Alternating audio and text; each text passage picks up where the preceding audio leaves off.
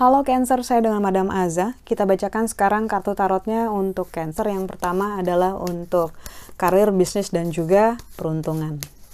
Kartu yang keluar adalah desan. Kartu desan ini menunjukkan matahari yang bersinar hangat dan juga dewa-dewi di taman lagi bermain harpa dan juga bunga yang sedang mekar.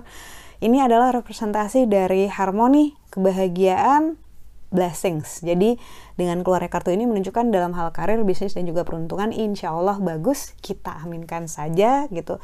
Semoga mendapatkan kemudahan dalam segala sisi gitu ya. Karena ini adalah representasi antara harapan dengan kenyataan yang sejalan lagi harmoni antara harapanmu dengan apa yang diberikan oleh Tuhan lewat semestanya karena itu akan diberikan kelancaran kemudahan dalam uh, bidang finansial ataupun pekerjaan. Diaminkan. Lalu untuk percintaannya Cancer, kartu yang keluar adalah Judgment.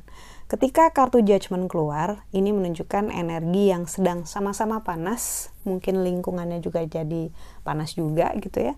Matahari bersinar terlalu terik, gunung berapi, ular api, dan juga lahar. Kartu Judgment ini menunjukkan bahwa energi api yang keluar ini bisa menunjukkan potensi konflik karena itu sebaiknya berhati-hati jangan sampai mengikuti hawa nafsu gitu jangan emosional gitu kalau misalnya memang lagi emosional ya nggak usah dipaksain ketemu nggak usah dipaksain harus uh, ngobrolin sesuatu yang penting gitu ya. Dibawa lebih santai aja coba untuk cool down gitu ya. Karena yang paling penting itu kan seimbang ya balance. Take and give-nya uh, sesuai. Kalau misalnya kita lagi pengen ngomel pasangan kalau bisa kita minta dengerin dulu gitu ya. Sebaliknya juga seperti itu. Kalau pasangan lagi perlu disupport cobalah kita tahan dulu beban kita jangan di sharing dulu. Nanti pas dia udah kaleman baru kita mulai melakukan itu.